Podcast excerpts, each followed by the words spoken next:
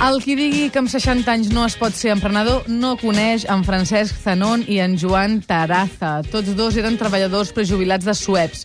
Com que no es volien quedar a casa, van anar a treballar en una empresa de depuradores, però part de la companyia es va dissoldre.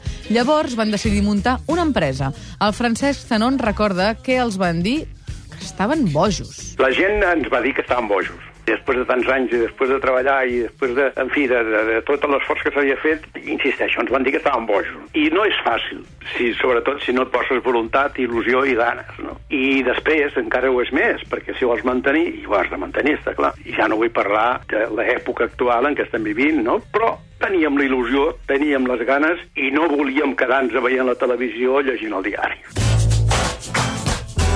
Això passava el 2002. Ara, Edarma, l'empresa que van muntar, està fent negoci amb els purins i els seus impulsors creuen que els ha sortit bé per tres raons. El primer és que tingui molta il·lusió, perquè si no té il·lusió no se'n sortirà. La segona és que tingui moltes ganes de treballar i sapiguer molt bé cap on vols dirigir els esforços, no? Perquè, bueno, si surts i dius, jo vull muntar una empresa i no saps de què, o no coneixes el món en què vols moure, no sortirà mai res bé.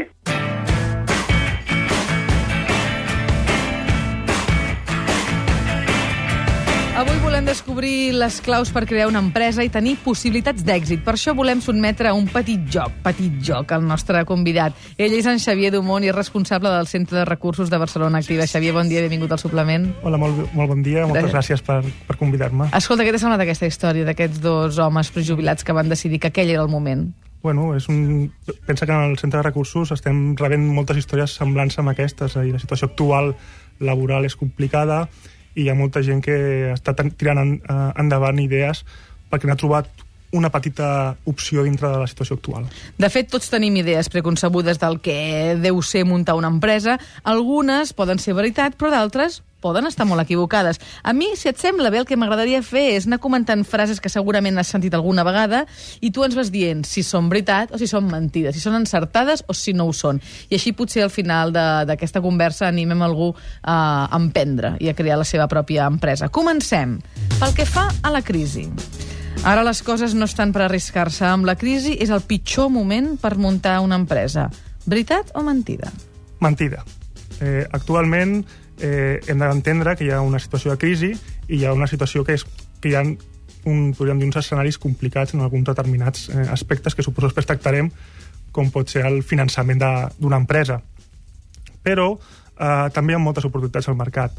És a dir, llegeixes una mica algunes eh, notícies que hi ha a, a internet i, per exemple, aquí hi ha una que diu que el, més del 50% dels emprenedors espanyols creuen que és el millor moment per muntar un negoci a Espanya. Amb la qual cosa ja no ho dic jo, sinó que també ho diuen els mateixos, els mateixos emprenedors. Ara hi ha moltes oportunitats, s'ha de, eh, de saber eh, trobar-les i treballar-les. Dos, elecció de negoci. Oh, com que no tinc experiència, no puc saber si la meva idea funcionarà. Mira, més val que no m'hi posi. Mentida. Uh, és veritat que si, com, com bé deien en el cas anterior que hem escoltat al principi, tens experiència, tens coneixements, tot és molt més fàcil. I més si la cosa que estàs fent t'agrada. Però és veritat que molta gent que està en altres sectors treballant agafen habilitats, eh, agafen competències que són transversals i que després poden posar en, en, la, en la seva empresa.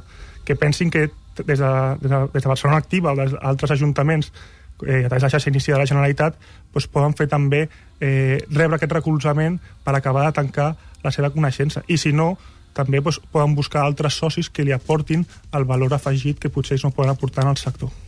3. La inversió inicial. Uf, és que clar, calen molts quartos per muntar una empresa. Mentida.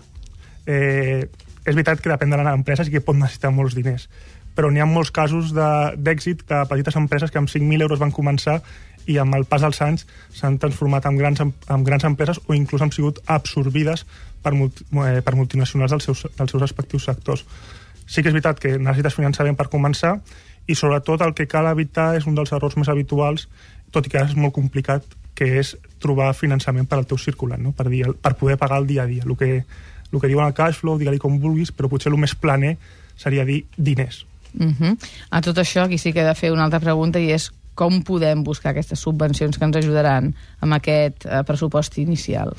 Molt bé, a, a partir d'aquí nosaltres a Barcelona Activa el que proposem a tota aquella, aquella gent emprenedora que vulgui, que, que vulgui venir, els donem formació eh, de quins llocs pot buscar informació, els donem recursos, els donem assessorament, perquè ells puguin eh, acabar de validar dintre el seu pla financer no? pues, amb quins recursos compta, quins recursos pot, puc buscar de l'administració a nivell de subvencions i quins recursos puc buscar a nivell de finançament, ja sigui bancari o d'altre tipus de finançament. 4.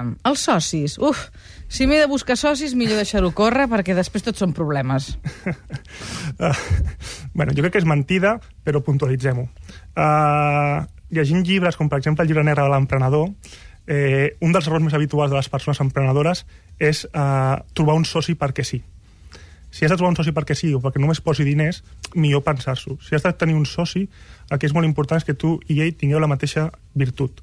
I és molt important que abans de començar el negoci us hi baralleu en el bon sentit de la paraula. Parleu molt sobre el tema, no? Ah, exacte, sobretot que esteu alineats de que cadascú vol el mateix i sobretot eh, negociar les sortides perquè a dia d'avui estem igual però d'aquí 3 anys potser les nostres condicions personals Clar. eh, han canviat i el que seria interessant és haver treballat abans que un dels dos pugui sortir bé per evitar aquests problemes que a vegades passen i sentim molts casos.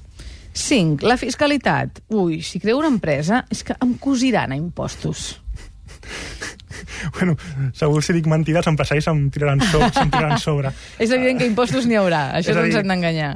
Anem a ser sincers, una empresa quan neix no neix per pagar impostos, neix pues, per, eh, per pagar el sou del, del, de l'empresari o dels i dels treballadors, neix per, per, per donar un rèdit als, podríem dir, als, als, invers, als inversors o als accionistes, i neix també, si és de l'economia social, per revertir part d'aquest èxit en la societat.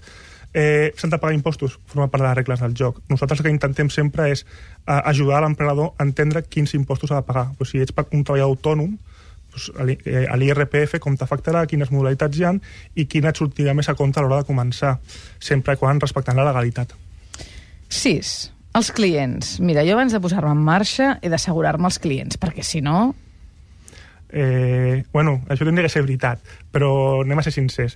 Moltes vegades moltes, molts negocis eh, fallen perquè la gent tira del seu networking Dels dels seus seus con- contactes, seus podríem dir, perdó, seus sí, coneguts, sí. dels seus coneguts. I a partir d'aquí el següent pas és el que més els hi està costant. És molt important començar amb una base de negocis, amb molt, eh, perdó, amb una cartera de clients o amb gent que ja coneixes que et vulgui contactar, és molt important, però sobretot és molt important que tu ja tinguis vist, eh, hagis planificat la teva estratègia per captar clients en, en un futur. Com ho faràs, no? En cas que no ho tinguis, exacte. com ho faràs? Molt bé. Anem als beneficis. Si munto un negoci, passarà temps abans no comenci a tenir beneficis. Eh, bueno, És veritat. és, és veritat. És veritat. Passarà Va, temps. Passa, passarà temps. Sí que és veritat que quan un munta un negoci, eh, quan parlem de beneficis estem parlant d'una viabilitat econòmica.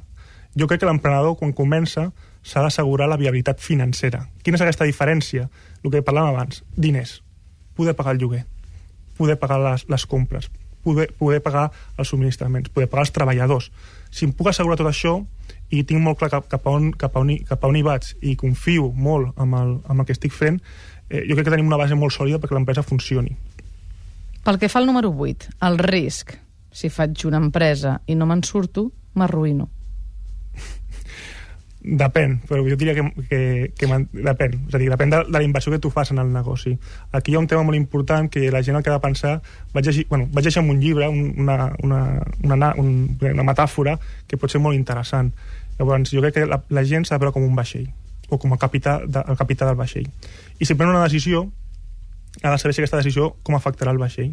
Si prenc una mala decisió i fa un forat al vaixell, tinc que saber si aquesta decisió és, està per sota de la línia de flotació, això vol dir que mantindria aigua al vaixell i se m'enfonsaria, o està per sobre, que és un error, té unes conseqüències, eh, però eh, després eh, bueno, puc continuar, puc continuar, Mhm. puc continuar bé. Als Estats Units, per exemple, aquesta pregunta dirien és essencial per tenir èxit.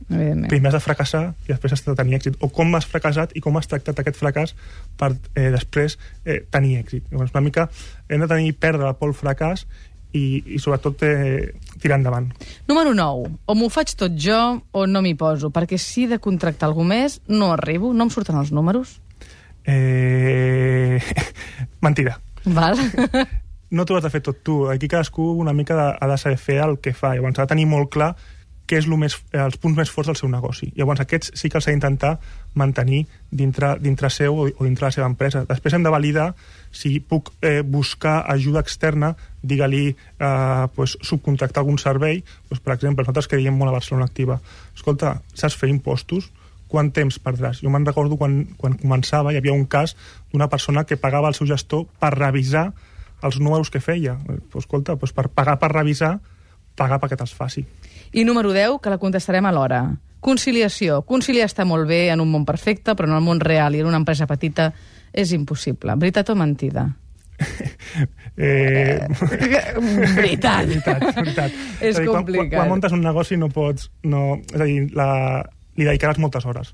Per tant, pensar que muntes un negoci per, per poder compatibilitzar la teva vida laboral i, i personal és molt complicat. Hi ha negocis que, o activitats que sí que t'ho permet fer, però hi ha moltes que no, sobretot aquelles que tenen molta, molt cara al públic, no? el petit comerç.